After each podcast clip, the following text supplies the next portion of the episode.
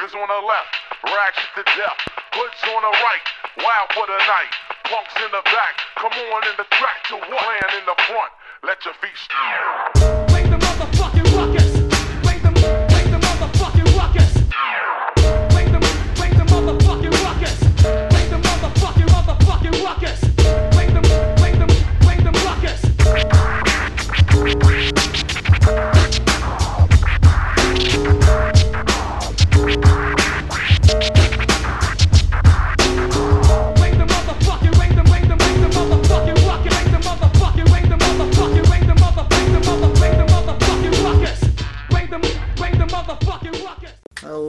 Selamat datang di podcast serangan balik. Eh, serang balik. ini apa sih? Apa? Bulan-bulan akhir ya? Bulan-bulan akhir. Bulan akhir Februari. Februari. Tapi Februari ini sampai tanggal 29 kan? 29. dan cuma terjadi empat tahun sekali.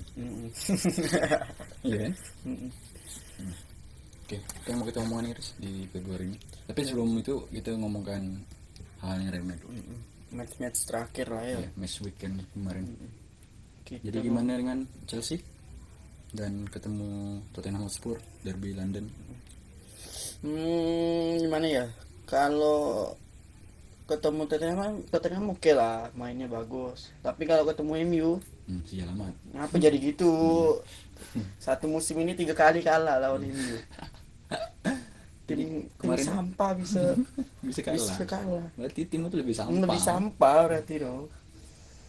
Hmm, kalau untuk pas lawan Tottenham sih aku lebih suka mainnya karena di- eh, mulai lagi adanya Giroud, adanya Alonso kan akhir-akhir ini dia udah jarang main, Hmm. sering cedera Iya. dan memang Giroud pun bukan pilihan utama. Pulisic main gak sih Polisi lagi cedera. Cedera, ya. Langganan, langganan. Udah kayak sini pengganti apa? Pener yang kemarin tuh Iya, nomor Hazard. 10 Hazard. Hazard pun cedera kan Hazard baru-baru ini cedera Baru- dua bulan. Hmm. Baru baru sembuh. sialnya Dan sekarang pun memang masalah di Chelsea ini konsisten lagi sih hmm. eh, dari pemain-pemainnya. Soalnya kan pemain Chelsea ini sekalinya bagus bagus sekali sekali Hmm. pas ngedrop ngedrop sekali Hmm. itu tuh ya karena mungkin karena pemain muda kan Mm-mm. mentalnya Belum belum ada, ada dan mungkin lah dat ini lagi kan eh, ada kabar bagusnya pun ada Ziyech nanti Iya, Kim Ziyech eh. Kim Ziyech. mungkin musim depan bisa lebih matang lah kok sekarang ini tak bisa berharap apa-apa sih Iya. apalagi bentar lagi lawan Munchen tapi eh, ini kan kemarin kan nampak ada isu heboh nih kan. Hmm. kemarin. Mesti kena ban. Masih kena ban ya. Gila dua, dua Dua musim. musim. Liga Champion. Ya, wajar sih. Tim baru mau hidup. Masa-masanya aku rasa kalau kalau musim ini MC tidak juara champion. Pep bakal mundur atau kena pecat? Aku rasa sih mundur sih. Pilihan dua. Tapi aku rasa kalau Pep tidak bisa anggaplah masuk final pun tidak bisa. Mm-mm. aku rasa ini nih kali terakhirnya pembuktian dia di MC Mm-mm. Iya, harus habis-habisan sih kok iya karena kau benci sekali sih aku ngomong ini. Karena Liverpool tuh udah bisa kejar lagi bagi aku. Walaupun secara apa apa secara kalkulasi poin tuh masih mungkin. Mm-mm. tapi bagi aku tuh udah emang udah mungkin lah. Jahat-jahat eh, eh, pemain-pemain Liverpool ini jatuh di pesawat dah. itu ya, jangan jangan jangan, jangan. itu kan kalau doa jelek-jelek ya. Itu, jangan. Kemarin nggak ada yang doa kan Itu. beli ika halo eh, apa Enggak loh. biar ada virus Coronavirus. corona kan anjing lu. itu jahat Sial, itu nggak jahat. boleh nggak boleh Dosa. Kasian nggak sih udah 30 tahun kan iya, juara. Ya juara sih tahun ini aku yakin. gini, Liverpool. 100% lah. Soalnya materi pemainnya luar biasa. sih Iya. Klopp- konsistennya luar biasa. Klopp pun gimana ya benar-benar dekat dengan pemain Mm. ciri khas dia kan kayak gitu pemain tuh benar-benar bukan cuma sebagai kayak apa sih hubungan kerja Mm. tapi benar-benar dekat dengan dia itu yang ngebuat dia apa namanya pemain tuh mau hidup mati dengan dia Mm. melakukan hidup mati dengan dia Memang sosok pelatih kayak gitu tuh memang harus ada sih. Iya. Ya lihat dari dia di Dortmund kayak gimana kan. ya kedekatan pemain sama pelatih itu harus kuat sebenarnya. Ya kerja kerja mati matian kerja samanya. Dan di mereka menangnya pun tidak usah Hmm, satu iya. kosong Mm-mm. dua satu.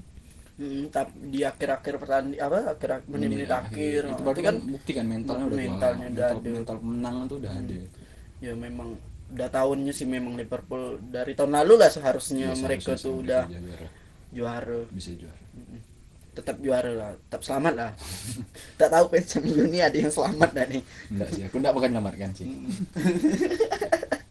Tapi ngomongin MU nih MU kemarin main bagus sih banyak yang bilang kalau Bruno tuh lebih bagus dari Pogba. Ya aku setuju sih kalau aku. Tapi aku ndak ada setuju ndak setuju.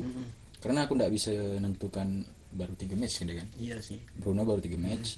Dan bagi aku Bruno tuh ndak ndak gimana ya? Belum bisa lah membuktikan kalau dia tuh lebih baik Hmm. dari Pogba. Iya. bukannya aku bilang Pogba tuh selalu mainnya bagus enggak juga. Kadang pun sampah juga dengan tapi eh, apa namanya bagi aku Pogba dan eh, Bruno tuh kalau disatukan nanti bakal jadi bagi aku. Soalnya Bruno nih nomor 10 sekali paham nggak? Paham pemain yang benar-benar apa sih? Trequarista oh trequarista dia itu trequarista benar-benar yang ngatur serangan. Dia tuh kalau dari tadi malam aku nonton dia orang banyak bilang kalau dia tuh passing passing simple. Mm-mm. kok tidak kayak gaya-gaya passing Safi Nesta? Hmm, Itu kan passing passing simple. Tapi yang aku suka dari Bruno kemarin tuh dia tuh misalnya kan dapat bola dari Tomenai kan? Mm-mm. ada dapat bola dari belakang dari back ataupun dari CDM dapat bola dia udah tahu posisi kawan tuh di mana dia udah tahu. Mm. kadang tuh kan Pogba Pogba tuh kadang udah dapat bola dia bingung mau bagi ke mana. Oh iya iya. Nah ini yang kadang memperlambat gerak apa nih gerak serangan.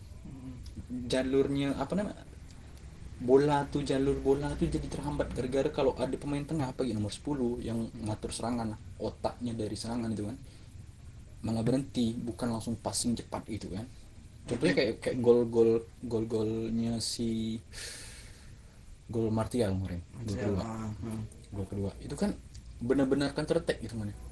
Shaw naik bagi samping Shaw masuk Shaw bagi ke ke Bruno Bruno langsung terupas ya memang kayaknya masalah MU dari kemarin kan Iya. memang yang nomor 10 Kurang- kurang ini. nomor 10 Main ya. mencoba nyari ilmu sendiri kita Rian gagal gagal. Yang paling bagus menurut aku nomor 10 tuh Kagawa sih serasa bagi aku Ah, ke gawang. Selain itu. Dan Greenwood bagi aku luar biasa. Ah. anak emas. Bagi aku sangat sangat bagus lah. Tapi memang bagus sih kayak Greenwood tuh. aku suka Greenwood tuh. Mm. kalau kalau rambutnya tuh lurus dia kayak Van Persie benar tuh gaya dia nendang kiri tuh. Si anjing nih Hmm. dia kiri lah balak sekali macam Van Persie lah pokoknya macam Van Persie lah. Tapi kemarin waktu dua match satu itu yang penalti MU dia ngambil sebelah kanan.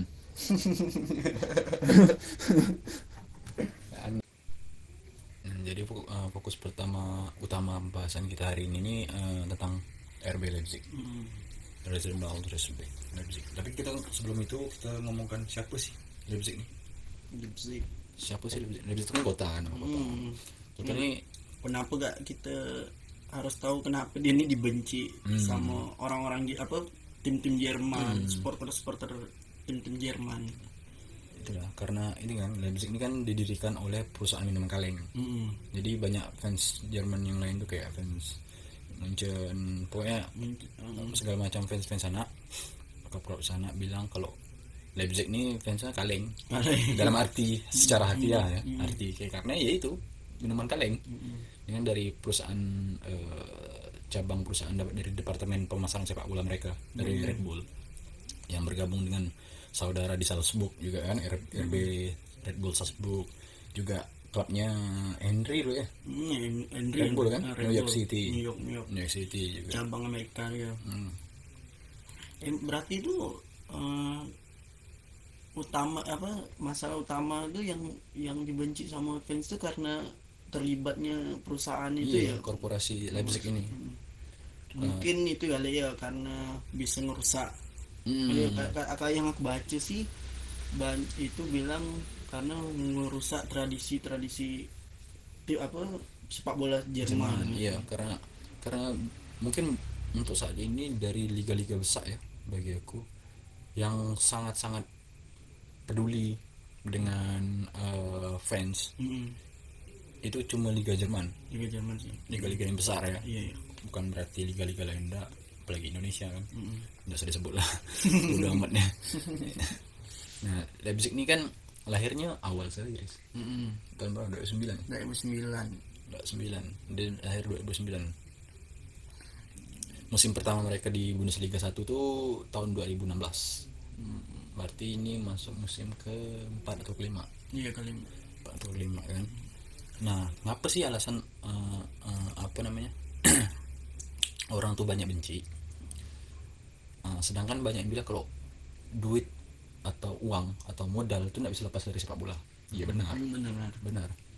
Tapi ada yang apa eh, eh, eh, fans eh, ultras apa pun sebutannya nggak suka sama Leipzig tuh karena dia melanggar aturan 50 plus 1 di mana eh, aturan ini sangat dipegang sama klub-klub Jerman dan fans-fans Jerman.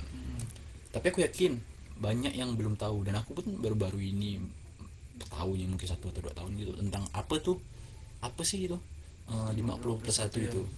Nah, jadi untuk memahami inti mengapa Leipzig nih secara dasarnya itu bertolak belakang dengan budaya sepak bola di Jerman kita nih perlu tahu dulu tentang apa itu 50 plus 1 jadi 51 itu aturan di Jerman yang mewajibkan semua klub sepak bola minimal 50% dimiliki oleh pendukungnya plus 1% bagian ekstra.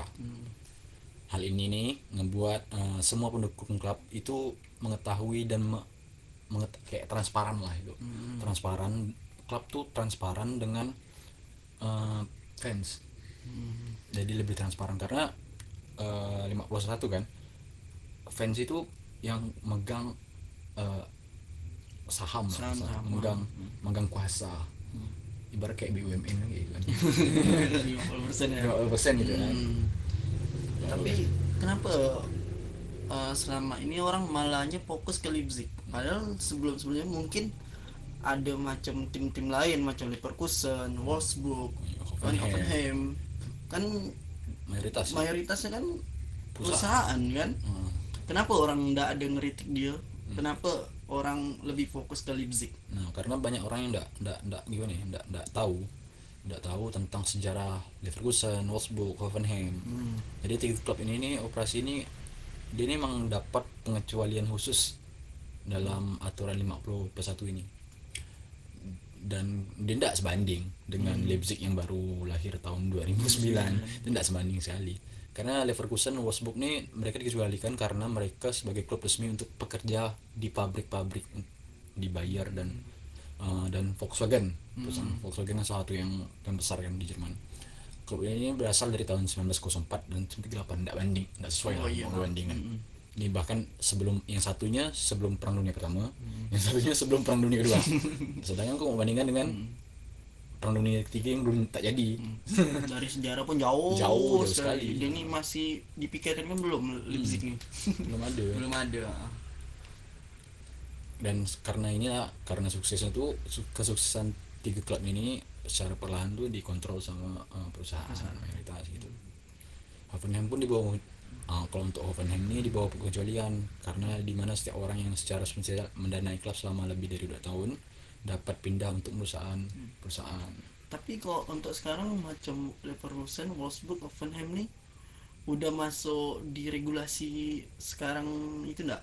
Maksudnya 51. ah, lima, lima, enggak enggak Masih masih, ada? masih tetap Masih. tapi tadi kan ya misalnya bilang dia enggak enggak enggak enggak maruk Oh iya. ndak maruk Hmm. ndak ndak tamak itu beli pemain gitu kan dia belinya ya pemain sesuai dengan ke- kekuatan finansial Oh, mereka iya, iya. mereka pun se, se- sebesar besarnya perusahaannya tapi ndak ndak kayak terlalu ambisius gitu Hmm. pengen jadi uh, super power di liga super power kayak MC yang sangat ambisius Hmm. beli Robinho tiba-tiba Kelihatan sekali Nah, kan. nafsu gitu kan pengen beli kan Oh iya, aku pun mau nanya. Kenapa Leipzig bisa sampai bertahan kayak gini? Kenapa mereka bisa lolos dari 50 aturan 50 plus 1 nih? Kan ya harusnya nggak ada tempat kan kalau mereka melanggar kayak gitu. Iya emang sih. Emang udah aturan gitu kan dalam sepak bola. Jadi Red Bull tuh kayak dia nemukan celah gitu di aturan 51 ini. Dia ngebuat siapa pun sekarang bisa jadi anggota pendukung. Anggota fans gitu kan. Tapi tapi walaupun kok bedanya dia dengan 50 plus 1 yang dijalankan sama klub-klub lain itu uh, uh, pendukung yang tercatat terdaftar jadi sebagai pendukungnya uh, Leipzig gitu kan di Jerman lah ya terutama ya, di kota Leipzig apalagi gitu kan. Dia terdaftar cuma jadi fans cuma dia nggak ada hak suara. Oh iya, iya. jadi dia nggak ada nggak bisa ngon Ah. ngontrol Hmm, klub ya, pendapat, pendapat apa segala macam. Contoh kayak kita sebelumnya kita bahas tentang uh, Sampoli. Sampoli gitu kan. Sampoli uh, dia tuh ada perwakilan. oh iya Uh, diwakilkan misalnya ada rapat misalnya bagian dari fans itu ada wakil misalnya ada ser- 10 orang itu yang mewakilkan dari ribuan fans itu kan ada perwakilannya dan perwakilan itulah yang nyampaikan suara-suara mereka sedangkan di sini nggak ada itu tuh suara suara keanggotaan tuh keanggotaan tuh ndak memastikan suara. Ibarat kayak gitu di Indonesia. Berarti kayak sekarang tuh hak kuasa klub tuh ya dari perusahaan Eksekutif, oh, iya. eksekutif. Hmm. eksekutifnya Red Bull. Dan mayoritas eksekutifnya itu benar-benar gimana ya? Benar-benar tim finansial dari perusahaan Red Bull. Bukan dari ibarat bukan dari yang benar-benar fokus untuk klub tapi benar-benar kayak brand ambasadornya Red Bull lah. Kasarnya kayak gitu kan. dia pakai klub untuk jadi brand ambasador mereka. Kasarnya tuh kayak gitu kan. Eh, ngapa kayak Dortmund lebih kuat Dortmund Munchen yang sekarang lebih krit- kritiknya tuh lebih kuat. Ya ada sih tim-tim lain yang yang kritik dia tuh apa karena mereka nih terlalu takut dominasi mereka? Ini ada pengganggunya. Ya, ya ya. bukan bukan dominasi Dortmund Mun- Bayern Munchen memang dominasi Munchen ibarat gitu kan. Ya Dortmund kan palingan Stop. penga- mas- empat lima tahun sekali Ah, kawannya apa cuman ngawal di belakang ya. Dan tiba-tiba datang Leipzig. Yang ya kalau kalau untuk di musim ini konsisten mainnya. Dan di atas Dortmund sedikit ya aku lihat fans-fans Dortmund Dortmund ini udah mencak-mencak nih udah kayak kebakaran Jenggot. jenggot lah. Hmm, tentang ini ya ngapun tentang Leipzig. Tapi ini kayaknya bagi aku tuh enggak sih. Karena orang terlalu fokusnya tuh fokusnya di dua klub ini kan. Mm-mm. dua fans klub ini dua fans dari dua klub ini. Yang anggap padahal baru-baru ini eh, adanya eh, Leipzig ini kan sebelumnya kita ngomongin dulu Leipzig ini kan dari bagian mantan Ero- eh, Jerman Timur. Hmm, Jerman. DDR kan.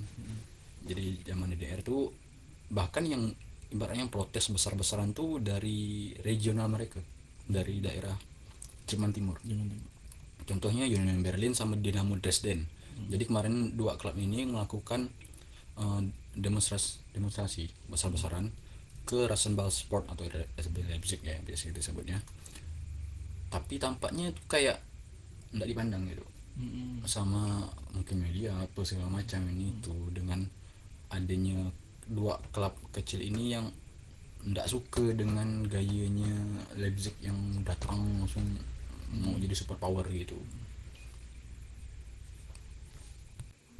Nah, karena kau nyenggol Union Berlin kan, eh, aku mau nanya gak nih, eh, menurut kau ada ndak eh, isu politiknya di sini? Karena kan ya Union Berlin itu kan didominasi orang-orang sosialis ya, apa? ya bisa sosial. sosialis orang-orang kiri lah, ya bertentang apa? Dan Leipzig ini lebih ke eh, bertentangan dengan ide-ide ide-ide politik apa ide-ide politik mereka gitu. ya, ya mungkin itu ada bagiku selain selain apa sih yang, yang sering diangkat media kalau Leipzig ini jadi ketakutan karena bakalan rusak apa budaya kayak gue bilang budaya sepak bola Jerman. Memunculkan apa sepak bola modern yang dikuasai sama korporat gitu kan. Tapi emang iya kalau kita bilang kita nggak bisa kita nggak bisa lepas dari sejarah ya. Sejarah sejarah Jerman Timur itu sendiri dan sejarah Union Berlin yang benar-benar sangat-sangat sosialis bisa dibilang gitu kan. Bahkan dia saat mau kita ngomong Union Berlin dulu ya. Ini Union Berlin tuh waktu saat itu kan ada regulasi saat kalau kau mau masuk ke Bundesliga 2 minimal stadion kau harus ka- berkapasitas segini. Kan ada regulasi itu. Nah jadi waktu itu tuh eh, Union Berlin tuh mau masuk. Tapi nggak bisa karena regulasi itu mereka udah lulus Wow. udah apa udah promosi Udah udah, promosi. bakal promosi. Tapi nggak bisa. Kalau mereka tetap mempertahankan stadion itu sedangkan mereka nggak ada duit. Dan bukan nggak ada duit ada. Ada. Cuma nggak ada duit sekaya kayak Leipzig sekarang gitu kan. Langsung tiba-tiba buat stadion gitu kan. Ini nggak ada nggak itu. Jadi untuk mengangkat itu untuk biar bisa masuk Bundesliga kedua mereka gotong royong. Fans fans gotong royong bawa semen. Mereka nyemen stadion mereka sendiri. Mereka ngerehab stadion mereka sendiri. Itu benar-benar dari tangan fans. Berarti itulah ya apa kalau di pang mana DIY. DIY nah itu itu yang bilang.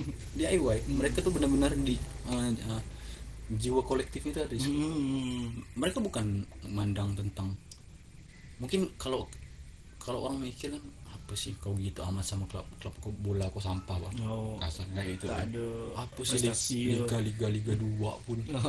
Bukan liga utama. Apa sih mati-matian kau? Bukan di situnya. Hmm. tapi di mana adanya gimana ya kasarnya itu keterikatan kau koneksi kau dengan klub ini. Hmm. paham nggak? Hmm. jadi kadang biarpun klub ini amburadul hancur berderai kau bakal tetap cinta. Oh iya. Kalau Karena- lihat ya euforia sekarang Sampoli sama Hamburg. Dia di Liga 2 tapi kalau udah mereka ketemu ya Hmm. euforia kayak gimana kan bisa meledak tetap gimana. ada. Ah. karena ada bukan kebanggaan sih mungkin ada kebanggaan. Selain kebanggaan tuh kayak koneksi itu koneksi ya, ya kau betul. merasa ada hubungan hubungan yang tidak bisa dijelaskan Hmm. dengan klub ini Mm-mm. apalagi kau ikut ngebangun lagi Ah, kan apalagi kau yang benar-benar campur tangan kayak Hmm. Union Berlin tadi aku bilang mereka yang gotong royong bangun stadion sendirian kau bayangkan kau bayangkan di liga di era semodern ini Hmm. ini belum lama loh bro mas belum lama paling paling lama sekitar 6 atau 7 tahun yang lalu Hmm. belum lama hitungannya Iya. kau bayangkan dengan modernitas di IPL lah kan Hmm. Liga Inggris yang kayak Tottenham bangun stadion megah Hmm. gitu kan Everton bakal bangun stadion tepi sungai Merseyside gitu kan Eh, Chelsea Hmm. nggak jadi ya kalau contohnya misalnya di liga lain kan misalnya kau nggak punya dana apa kok bisa bisa dihapuskan Ah, kau kayak, kayak Bolton kayak Bolton kemarin Ah. kan kasusnya Kayak itu. karena dia nggak punya dana gitu kan nggak contoh kayak kalaupun kau nggak mau bangun stadion tapi nama stadion kau bakal dipakai oleh korporat Oh, iya. contoh kayak Etihad Etihad eh. Emirates, Emirates. kayak eh, kan mereka jah jadi babu korporat kasarnya kayak gitu kan dan harganya pun melonjak iya ya nah itu yang nggak dimaukan sama fans yang bakal Hmm. rugi itu juga fans karena kalau udah itu dipegang sama korporat tap utamanya ya profit Hmm. dan Jerman sampai saat ini bisa dibilang harga tiket yang paling murah Hmm. di liga top Eropa tapi kalau macam Munchen kan stadionnya bukannya milik korporat ya? Enggak. Allianz tuh? Allianz sih bisa masih milik korporat. Milik korporat. makanya megah. Yang tapi beda. tiket pun masih masih mahal. Jauh mahal dibanding dengan tapi kalau bandingkan dengan IPL sih murah masih. Murah, ya karena adanya tuntutan dari fans itu dan adanya eh, aturan 50 plus 1 itu.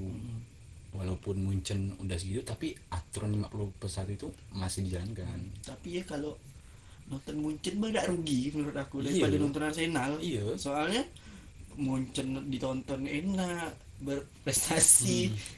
Tim yang mereka yang di Inggris Nggak- udah nggak jelas. udah jelas mainnya. Prestasi pun sekarang udah susah. Dan yang ngomong prestasi lah bertahan ya lah. Nah bertahan ya oh di Liga Champion atau apa. Masuk ke 6, 6 besar 5 besar ya lah. Bener aku. Oh. Fans Arsenal tuh orang paling sabar lah menurut tapi kalau banyak yang aku dengar dari eh, kawan-kawan di Eropa ya aku baca-baca di Reddit gitu kan mereka yang banyak pengen ke kayak IPL gitu kan mayoritas tuh cuma turis-turis dari Asia dari Timur Tengah gitu. Hmm. tapi kalau mereka sendiri yang orang-orang Eropa gitu kan walaupun Inggris sudah Brexit kan mau keluar dari Eropa Union kan mayoritas orang-orang negara Eropa lainnya itu kalau mau nonton bola tuh mereka tidak mau ke Inggris. Mm-mm. mereka tahu nggak satu mahal. Mm-mm. kedua atmosfernya nggak ada. Ah, gitu kan? Iya. paling kalau Liga Inggris Crystal Palace bagi aku lah. Atmosfer paling Iya, iya, bagus iya. ya menurut aku deh itu pun cuma sekelompok ya iya satu sekelompok. satu satu satu sudut ya. Ah, satu sudut ya itu yang yang- paling ribut istilahnya kayak itu nah kalau kita ngomong kayak gini nih kita antara Leipzig modernitas eh, sepak bola dan eh, atmosfer. Mm-mm. itu tuh hasilnya tuh bisa kita lihat dengan Liga Inggris sekarang. Iya sih iya. Mm, bukannya aku ngeluh tapi Chelsea itu ya Allah. Tak ada atmosfer sama sekali. Apa enggak MU nih kalau MU nih aku sebagai fans MU aku lebih senang kalau MU main tandang. Mm-mm. karena apa? Tandang kalau ketemu sama eh, tim yang tidak terlalu besar lah ya tiket murah tidak terlalu mahal. Dan kedua fansnya yang benar-benar datang tuh yang benar-benar fans. Mm-mm. paham kamu? paham. Bukannya aku kayak sosok yang puritan apa sih? Orang nggak tahu bola nih sosokan enggak Mm. aku nggak ngelarang mereka. Mungkin dari nonton itu mereka bakal jatuh cinta lebih dalam dengan sepak bola. Karena momen pertama kali itu kan. Mungkin itu mungkin jadi pintunya. Bukannya aku ngelarang itu enggak tapi itu tuh ngebunuh ngebunuh pekerja kelas pekerja di daerah sekitar asli situ untuk beli tiket dan nonton dan ngasih support. Nah itu itu yang bakal mati. Mm-mm. kayak liga-liga Inggris sekarang bagi aku. Lihat Liga Inggris ini terlalu kaku iya. Hmm, sangat kaku lah. Ya modelnya udah macam Liga Italia gitu. Ya cuman komoditas Hmm. lebih mementingkan ya industrinya Hmm. daripada benar sangat-sangat Hmm, industrial dan hmm. profit lah itu kayak gitu. Ya kita aku tuh pengen sekali nonton bola di tengah-tengah supporter tapi kalau atmosfer kayak gitu tuh iya buat apa? hmm, gitu. Kau bayar mahal. Bayar mahal. atmosfer nggak ada. Lalu kesan kau apa? Foto-foto. Itu ya apa? Eh, maki-maki. Tim maki-maki wasit tim-tim maki sendiri nih apa gitu nengok tim sendiri kayak main kayak sial gitu kan. Nah itu yang itu yang kadang orang nggak mau kan. Fan fans fan fans apa fan fans lokal nggak mau kan kayak itu. Ngapa mereka mengkritik Leipzig apa segala macam itu kayak itu. Mereka nggak mau eh, apa liga liga mereka tuh jadi kayak gitu. Betul betul. Ya kalau ya betul gak sih kalau menghilangkan tradisi? Mungkin iya. Iya. iya tapi Aku bagi sih. bagi aku tradisi itu bakal berubah. Berubah betul Berubah. dengan- tapi jangan sampai menghilangkan eh, tujuan utama sepak bola lagi aku. Itu tujuan utama sepak bola tuh menghibur orang-orang. Menghibur orang di sekitar situ walaupun kalah setidaknya tuh mereka bisa ketemu kawan dia. Nonton sama macam kita ngopi macam kita ke warkop. Kita ke warkop tuh bukan cuma nah fokus ngopi enggak kita tuh pengen ketemu kawan. Oh bisa ngobrol. Ngobrol. Ya sama dengan orang orang-orang Eropa ke ke apa nonton bola ke stadion mereka ketemu kawannya kawan-kawan SMA kawan-kawan ngumpul ngebir ketawa kan wasit maki-maki. Aku rasa pun kalau mereka kalau macam di Jerman tuh para supporter tuh nggak ngomongkan bola kok aku bilang. Iya, aku paling iya, nanya kerjaanku mana hari ini? Nah paling mereka cuma ngomong ngobrol mana gitu. gaji aman ke?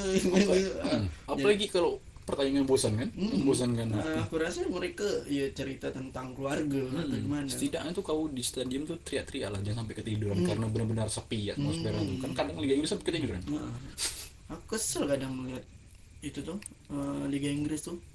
Ya terlalu kaku lah menurut aku. Hmm. ya seru dari permainan seru dari kalau untuk tayangan pun enak ditonton gitu kan. Tapi kalau untuk atmosfer itu nggak ada gitu. ada. Tapi itu lah menjual. Hmm, hmm. Apalagi untuk HTV Hmm, HTP sama menjual tapi ya efeknya itu balik lagi aku bilang harga tiket naik. Nanti nih contoh kayak kemarin aku dengar tuh MU tak aku Edward Ward atau pokoknya petinggi petinggi MU bilang Old Trafford ini kehilangan itu kehilangan atmosfer. Kehilangan. Gitu. kau tuh yang atmosfer tuh dirampok diambil. Mayoritas fans fans MU Mancunian orang orang Manchester asli mau nonton tuh mereka ndak ndak ada duit. Hmm, jadi apa mereka lakukan? Mereka ndak non- mereka nonton tetap nonton MU tapi ndak di stadion ndak di Old Trafford tapi di bar. Iya iya di bar. Mereka minum di bar di sekitar uh, Old Trafford. Tapi menurut aku memang lebih seru di bar lah kalau untuk sekarang. Tapi aku yakin mereka pasti mau nonton Iya, iya. cuma karena harganya mahal. Hmm. dan ibaratnya tuh kau mesti benar-benar jadi member member seasonal. Hmm. season baru bisa dapat karena apa? Kalau untuk tiket lain udah habis di, di lalap turis. Hmm. itu sih. Dan dilemanya selain itu tuh ya kayak itu tadi. Gimana Dortmund dan Munchen itu? Terlalu mendominasi Mm-mm. dan itu tidak bisa dibilang tidak bisa kita pungkirkan kalau Bundesliga tuh benar-benar didominasi sama dua klub ini. Ya dua klub. walaupun Munchen yang juara terus itu ya Hmm. tapi ya itulah gue bilang kan mereka fans mereka fans tidak peduli sama prestasi. Mm-mm. mau se kau juara eh, apa namanya mau klubnya juara atau enggak mereka tidak peduli. Oh, eh, aku nanya kalau on- menurut kau misalnya untuk orang macam kita nih Hmm. penikmat semua liga sepak bola kita ini kan salah satu orang salah satu salah dua yang suka semua liga lah. Saya eh, mengamati lah mengamati. Menurut kau adanya Leipzig nih eh kritik orang pada Leipzig nih eh, udah cukup ke atau ya memang Leipzig nih harus diginikan terus gitu. Maksudnya eh, tangga harus dibenci terus gitu. Harus eh, harus dikritisi terus. Dikritisi terus. Menurut aku mungkin iya untuk di Jerman ya. Hmm. khususnya untuk fans-fans uh, klub bola di Jerman. Karena apa? Karena tradisi ini nih tradisi uh, korporasi yang memegang uh, suatu klub. Hmm. itu tuh bukan budaya Jerman tapi budaya Amerika. Contoh paling contoh itu adalah basket. Hmm, basket. Basket ya. Basket. Pokoknya budaya-budaya yang mana ada nama korporasi besar terus megang klub bola itu kan budaya-budaya Amerika korporasi yang punya de facto atas klub ini yang punya kekuatan absolut itu kan benar-benar gaya-gaya neoliberal Amerika oh iya bukan gaya eh, Jerman yang bisa dibilang negaranya sosdem lah mungkin. Hmm. sosialis demokratik walaupun kasarnya itu ya mereka kapitalistik tapi state welfare jadi kayak tunjangan sosial apa segala macam ada kan? Kalau ngomong sosial demokratik teringat apa partai. Partai sampah. Apa partai sawit Indonesia? Partai sawit. Tuh nah itu itu yang aku bilang kan. Karena bertentangan itu balik lagi ke masalah ideologi dan uh, politik mereka di Jerman. Karena budaya ini nih budaya budaya apa sih? Budaya budaya neoliberal Amerika yang dibawa oleh si Red Bull ini bagi aku. Makanya aku ngebahas ini karena ada permasalahan makanya kita ngebahas ini. Adanya permasalahan itu. Ya karena ini dia pun menarik pun karena memang ya akhir-akhir ini kan lagi bagus-bagusnya. Ya bisa bagus. Mm. ya patut sih di itu di apa diomongkan. Ya ya biar kan tidak semua orang ini tahu Ah, Leipzig ini seperti apa. Kan bahkan aku yakin banyak yang nggak tahu kalau Leipzig ini lahir dari tahun 2009 mungkin. Aku yakin Aku yakin aku pun baru tahu Leipzig ini sekitar dua tahun lalu lah dua tahun. Ya baru-barunya munculnya lah. Aku pikir "Aduh, tim apa nih? Namanya kok Red Bull. Hmm. di Austria ada gak Red Bull? Di Amerika pun ada Red Bull. Ini Pak kayak rumah makan pakai cabang. Oh, kayak franchise itu ya. Franchise. Anjing. Udah, sampai sini udah udah. sini lah. Nanti aku kasihkan ini ada beberapa eh, artikel nanti di deskripsi podcast ini. Bisa dibaca bahasa Inggris sih. Mungkin ada- dari Reddit ya kau dari Reddit aku ngambil dari Reddit. Soalnya fansnya yang kritik yang buat ini tulisan ini fansnya Union Berlin. Oh, dan ini salah satu uh, kritik dia terhadap bukan cuma kritik sih kritik dan penjelasan mengapa dia mengkritik R, R- Leipzig. Leipzig. kemarin baru-baru ini kan supporter itu ya supporter Munchen ya bikin apa? Mm-mm. grafik apa namanya itu? Apa kok kayak tulisan tulisannya itu banner. Fuck RB ya oh, fuck fuck RB iya. Sebenarnya RB itu apa? Rasenball Sport. Ras- apa? Rasenball Sport. Itu ini ya bah, Ah, manipulasi, manipulasi, bah. Supaya Red Bull Red Bull ada. Nah, Red Bull Red Bull lah Merampok- udah merampok RB. logonya Red Bull. Sponsornya. So-soan pakai football football apa. Apa minuman kaleng gitu fans dah Ampun ya. Dah, nanti marah gak rusuh nanti. Sometimes. Dah dah dah, dah sekian. Sometimes maybe good, sometimes maybe shit.